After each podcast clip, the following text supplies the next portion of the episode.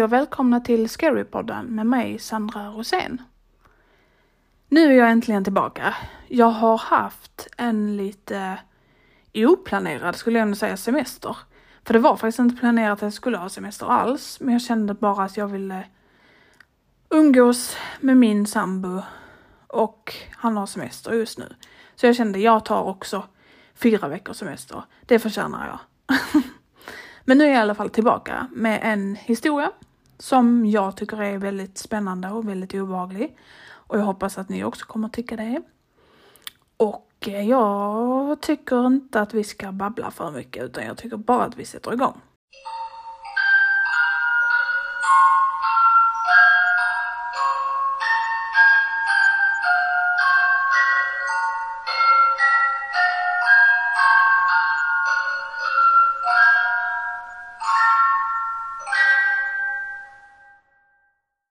Jag tror att jag kommer dö här på detta Airbnb. Jag vet inte var mina vänner är. Jag vet inte själv var jag är. Ingen av oss hade råd med detta själva. Även om vi var fem stycken så var det ändå ganska dyrt. Men för att vara rättvis så var det ett sju helsikes hus. Det fanns tre våningar och det var helt magiskt.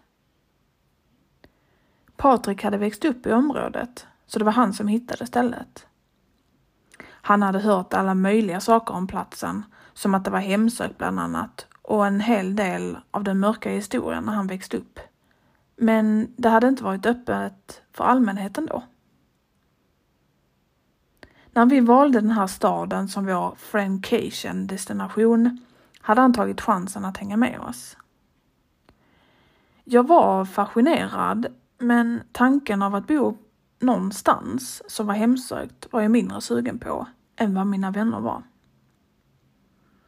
Direkt när vi kom dit så verkade både jag och Anna känna av vibbar som gjorde oss nervösa. Medan Katti, Diana och Patrik gick från rum till rum och tittade runt helt exalterade så höll vi oss nära ytterdörren.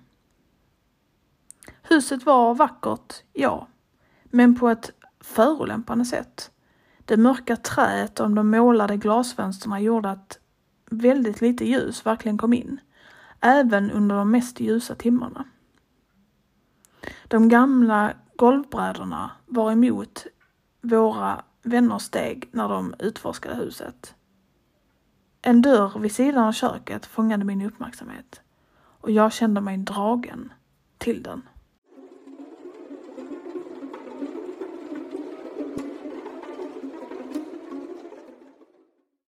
Innanför dörren fanns där en trappa.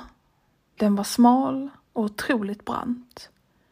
Den såg gammal ut och ärligt talat skrämmande.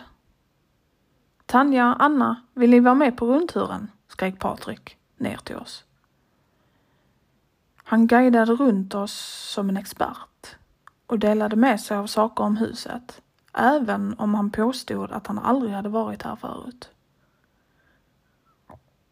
Han pratade om platsen och huset som om det vore en gammal vän.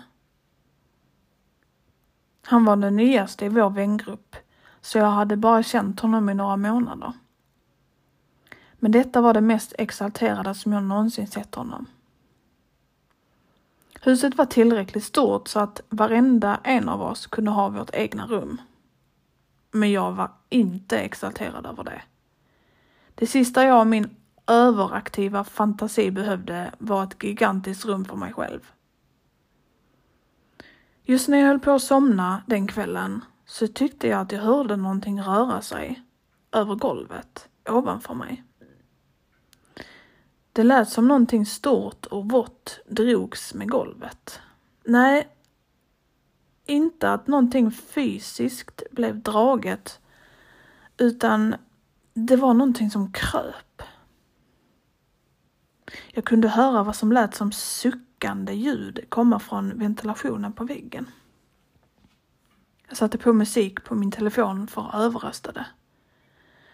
Det lät som att det stönade nu. Jag höjde musiken ännu mer och täckte mitt huvud med en filt. Jag tryckte in mina hörlurar djupt in i mina öron. tillräckligt djupt för att orsaka hörselnedsättning i framtiden. Om du inte kan höra det kan det inte skada dig, eller hur? På något sätt så lyckades jag somna.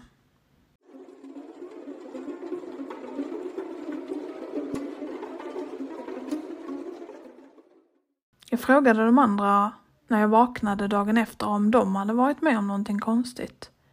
Men det var bara jag. Patrik såg helt lyrisk ut när jag frågade det och han hade en massa frågor till mig. Han hoppades verkligen på att huset skulle vara hemsökt. Jag berättade bara för honom att jag hade hört fotsteg. Jag kände att det fick mig att låta mindre galen än om jag sa att jag hörde någonting krypa omkring. Han tittade på mig med ett leende som såg ut som om han visste att jag ljög. Vi spenderade dagen i stan och hade det helt fantastiskt. Katti hon frågade runt om huset som vi bodde i. En äldre man i en liten glasskiosk som vi besökte sa till oss att han tyckte att det var oansvarigt och farligt att hyra ut det stället efter det som hade hänt där. Det visade sig att en rad tragedier hade inträffat där. Från så tidigt som ägaren innan den som var nu och nästan 200 år tidigare. Han nämnde hur han trodde att tillräckligt med lidande kunde leda till att en dörr öppnades och att något släpptes in. Så du tror att det är hemsökt? frågade Diana. Ja, jag har alltid trott att en hemsökelse är när en människa går bort men aldrig riktigt lämnar. Han kliade sig på hakan och lutade sig framåt och fortsatte. Men jag tror inte att det som finns där någonsin varit mänskligt. Hans ord var det enda jag kunde tänka på resten av dagen.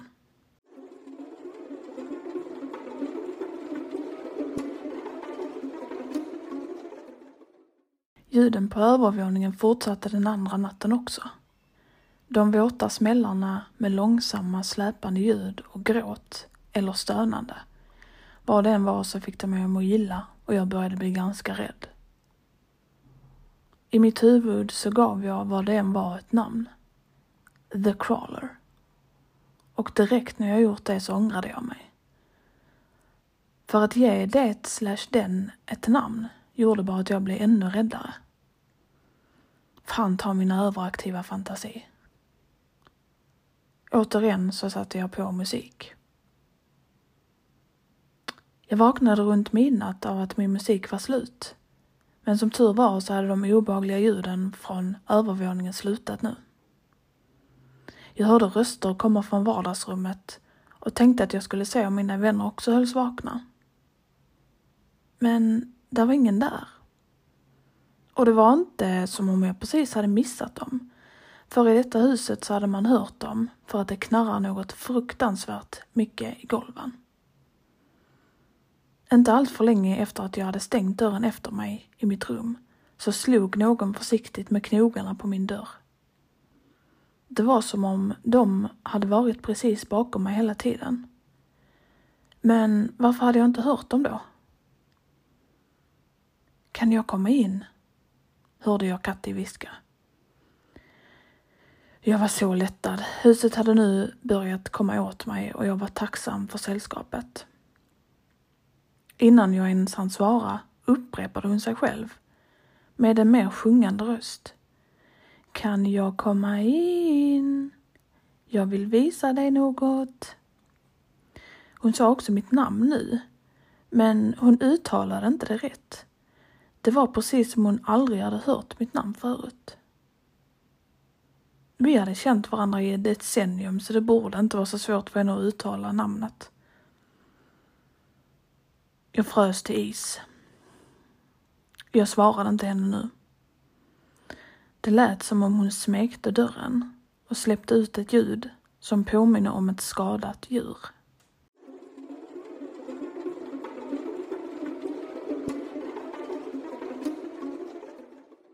Jag tände alla lampor i rummet och jag tillbringade resten av min sömnlösa natt med att försöka komma på hur jag skulle berätta för mina vänner att jag inte tänkte tillbringa en endaste natt här till. Jag skulle fortfarande betala min del såklart, men jag skulle bo i stan imorgon kväll istället. För här tänkte jag inte stanna. Tanken av det fick mig att le. Japp, stan är det som gäller imorgon, på ett hotell. Jag skulle behöva använda en del av mina besparingar men det skulle vara värt det helt klart. Nästa morgon stirrade Patrik på mig förvirrat. Hej. Han lutade sig mot mig. Vad var det med dig i natt? Vadå? svarade jag. Du kom till mitt rum och stod utanför min dörr och försökte få mig att följa med dig till källaren. Minns du inte det? Jag hade aldrig gått till Patriks rum. Vad pratar han om? Jag var ju helt upptagen med det som pågick utanför mitt rum. Anna och Diana hade liknande historier när de kom ner. En av oss kom till deras rum och sa något i stil med har du sett källaren än? Låt mig visa dig. Och sen försökt leda dem ner dit. Ingen av oss öppnade dörren. Diana för att hon var trött och inte på humör för att umgås. Patrik för att han inte kände mig så väl och tyckte att jag betedde mig konstigt. Anna, liksom jag, hade en känsla av att besökaren vid hennes dörr inte var en av oss. Patrik och Diana var glada och exalterade av tanken att vårt Airbnb nu kanske var hemsökt. Anna stirrade på mig. Jag kunde se rädslan i hennes ansikte.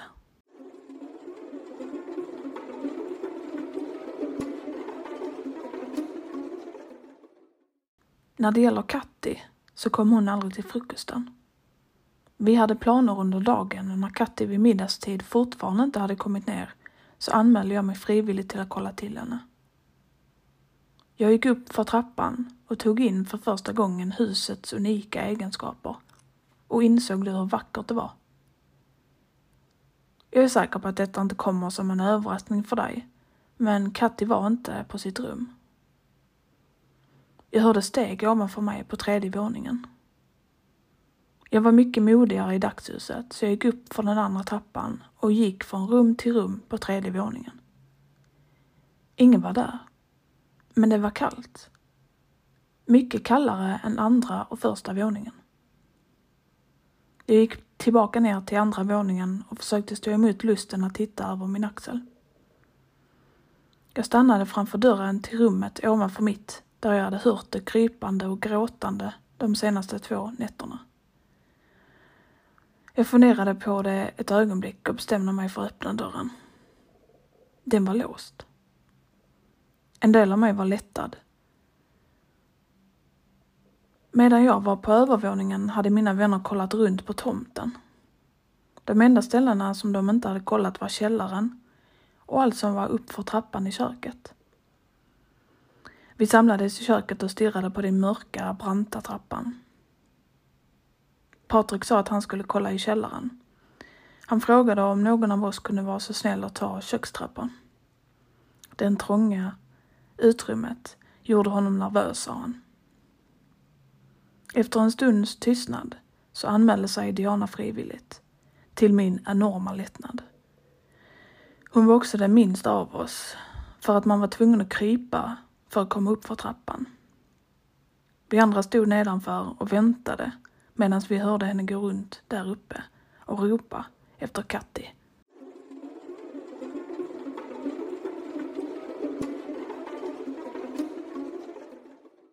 Hon var där uppe ett tag. Det lät som om utrymmet var enormt. Min mage sjönk när jag insåg att jag hörde två par fotsteg. Ett ovanför mitt huvud och ett längre in i köket. Men de rörde sig mot personen ovanför mig. Diana! väste jag frenetiskt uppför trappan. Inget svar. Jag tog ett djupt andetag och förberedde mig för att gå upp efter henne.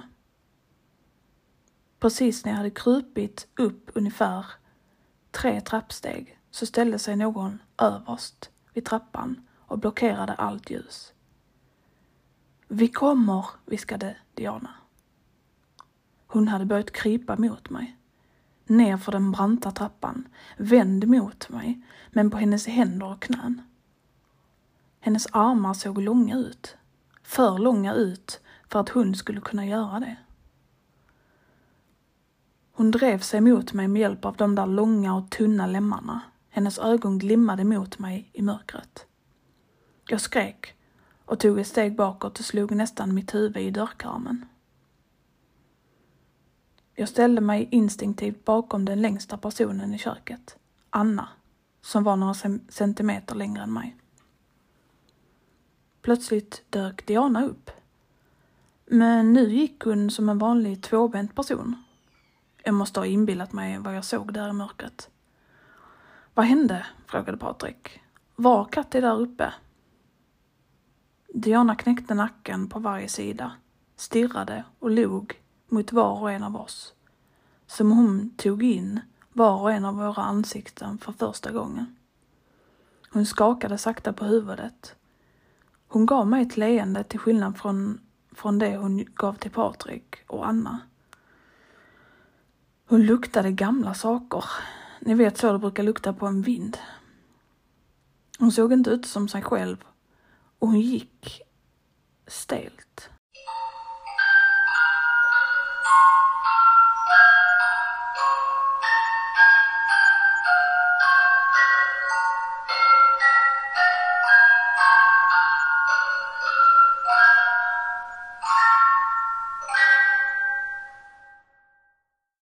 Vi tittade oss omkring. Men grejen är att det inte fanns någon dörr till källaren som vi kunde hitta. Anna skickade vad vi hoppades var ett nonchalant meddelande som vi alla skapade tillsammans till världen och frågade dem var källaren var. Vi fick ett oroande svar direkt. Det finns ingen källare. Patrik skrattade åt det. Diana log drömmande och stirrade upp mot det målade glasfönstret. Det var som hon befann sig i sin egen värld ända sedan hon gick upp för den lilla trappan. Anna och jag tittade nervöst på varandra. Vi begav oss in till stan för att se om någon hade sett henne och tillbringade resten av dagen med att leta efter henne. Vi satt tysta tillsammans. Det stora vardagsrummet kändes tummare med Katti saknad. Vi stirrade på en pizza som ingen av oss kände för att äta. Det såg ut som att jag trots allt tillbringade en natt till här igen. Jag låste min dörr den kvällen. Runt vad som hade blivit den vanliga tiden hörde jag de blöta, släpande krypljuden på övervåningen. Jag försökte att inte föreställa mig hur den där saken där uppe såg ut som gör de ljuden. Hemma sov jag alltid med en tyngdfilt på mig. Det fick mig att känna mig trygg. Med bara det tunna lakanet och det gamla täcket kunde jag inte låta bli att känna mig helt utlämnad här. Runt 03.00 vaknade jag av stönande och skrapande utanför min dörr. Jag behöver din hjälp. Jag försökte placera rösten. Den var låg, men den lät kvinnlig. Det var inte Anna, det var inte Katti och det lät inte som Diana. Det är jag, Diana. Jag svarade inte. Tonen på rösten lät för konstig. Dörrhandtaget vreds snabbt och aggressivt. Jag försökte vara tyst och helt orörlig. Jag behöver din hjälp. Min hud det är för tajt. Det passar inte.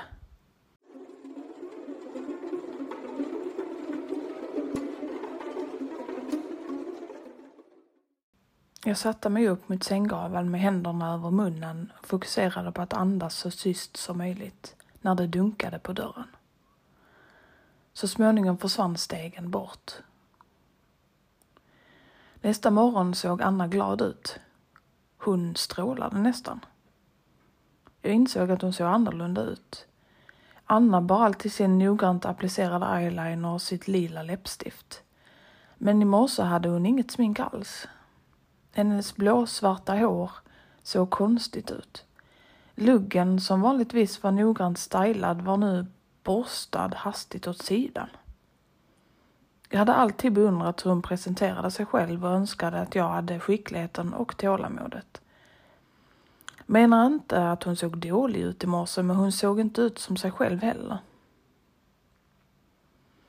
Diana och Patrik hade inte kommit ner.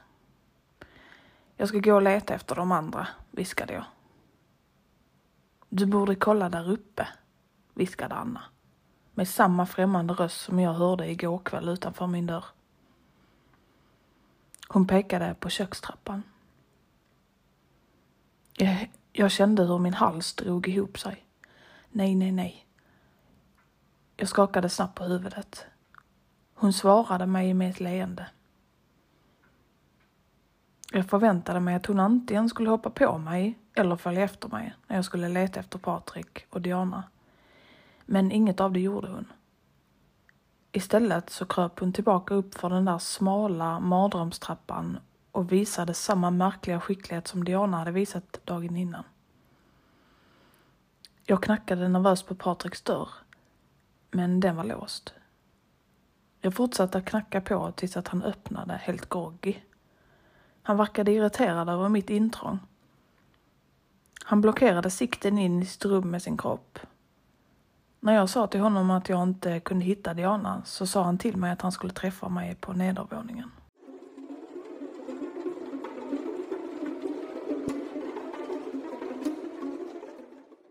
Diana fanns inte någonstans. Anna hade ju ännu inte kommit ner från rummet ovanför köket. Jag kunde höra rivande och blöta tuggljud som kom från uppför trappan. Jag låste dörren utan att säga ett ord eller göra ett ljud. Jag försökte bekämpa gallan som steg upp i min hals. Jag försökte berätta för Patrik att vi var tvungna att lämna medan det fortfarande var ljust ute. Jag ville inte lämna mina vänner men vi behövde hämta hjälp eftersom något hemskt var på gång. Vi var i underläge. Patrik försökte övertyga mig att stanna. Det fanns säkert en förklaring till allt det här. Vi kunde inte ta bilen och lämna våra vänner här. Han tittade anklagande på mig. Jag älskade också våra vänner, men jag tänker inte tillbringa en natt till på det här stället. Jag tänkte på The Crawler på övervåningen, bakom den låsta dörren, som släpade sin tunga kropp över golvet som vått kött och ropade i mörkret om vem vet vad. Jag tänkte på Dianas konstiga beteende och efterföljande försvinnande.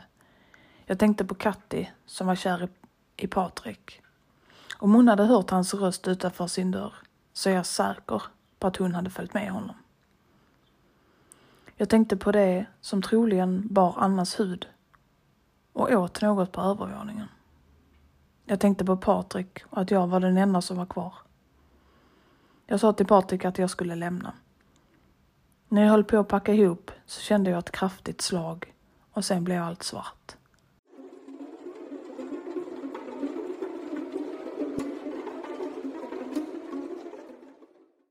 Jag vaknade upp i källaren. Det visade sig att det trots allt fanns en källare. Katti var också här nere. Hon verkade vara fastklämd i väggen vid sina handleder. Hennes ögon var glansiga. Hon stirrade rakt fram utan att blinka. Blek var hon också. Katti, väste jag åt henne. Hon vände sakta sitt huvud mot mig. Hon hade samma kläder på sig som för två dagar sedan. Hennes mascara hade runnit ner för hennes kinder. Jag var bara lättad över att hon faktiskt levde. Nu hörde jag steget som kom i trappan. Det var Patrik. Han bar på en verktygslåda jag hade aldrig varit lyckligare av att se honom. Han kom fram till mig, satte sig på huk bredvid mig och klappade mig på huvudet som om jag var ett barn. Strålande. Bra, du är vaken. Vi har fortfarande fler munnar att mätta. Han gnuggade ihop sina händer, upprymt. Jag såg ett slags galenskap i hans ögon. Trots allt skrämmande jag hade upplevt i det här huset så var det tio gånger värre när jag insåg att Patrik var en del av vad som hände. Det lilla hoppet som jag hade kvar var nu som bortblåst.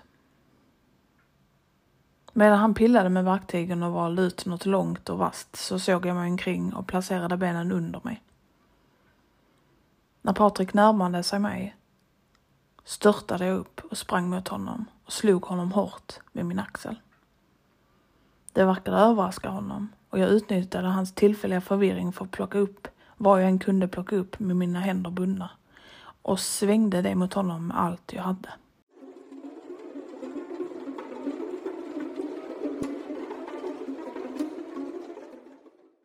Han föll baklänges. Jag vände mig mot Katti. Nu kunde jag se hennes ben. Det var som om någon eller något hade tuggat på dem. Jag kunde se ben som stack ut genom hennes trasiga jeans. Jag visste att jag skulle behöva komma tillbaka för henne senare. Det fanns inget sätt för mig att flytta henne i hennes nuvarande tillstånd. Jag sprang upp för trappan och mitt hjärta sjönk när jag upptäckte att jag var i en del av huset som jag aldrig sett förut. Det såg äldre ut. Saknade den noggranna omsorgen som fanns i resten av huset. Jag undrade vilken av de många dörrarna som ledde ut. Men det faktum att en dörr var igenspikad tjänade både till att krossa mina förhoppningar och svara på den frågan. Jag haltade. Mitt ben sov. Genom den dammiga hallen och hittade ett rum där ljuset spirade in genom två små fönster och låste dörren efter mig. Jag har ringt polisen. Allt jag kan göra nu är att vänta och hoppas på att jag antingen kan öppna ett av de förseglade fönstren eller så hittar polisen mig innan Patrik. Eller någon av de andra sakerna som bor här.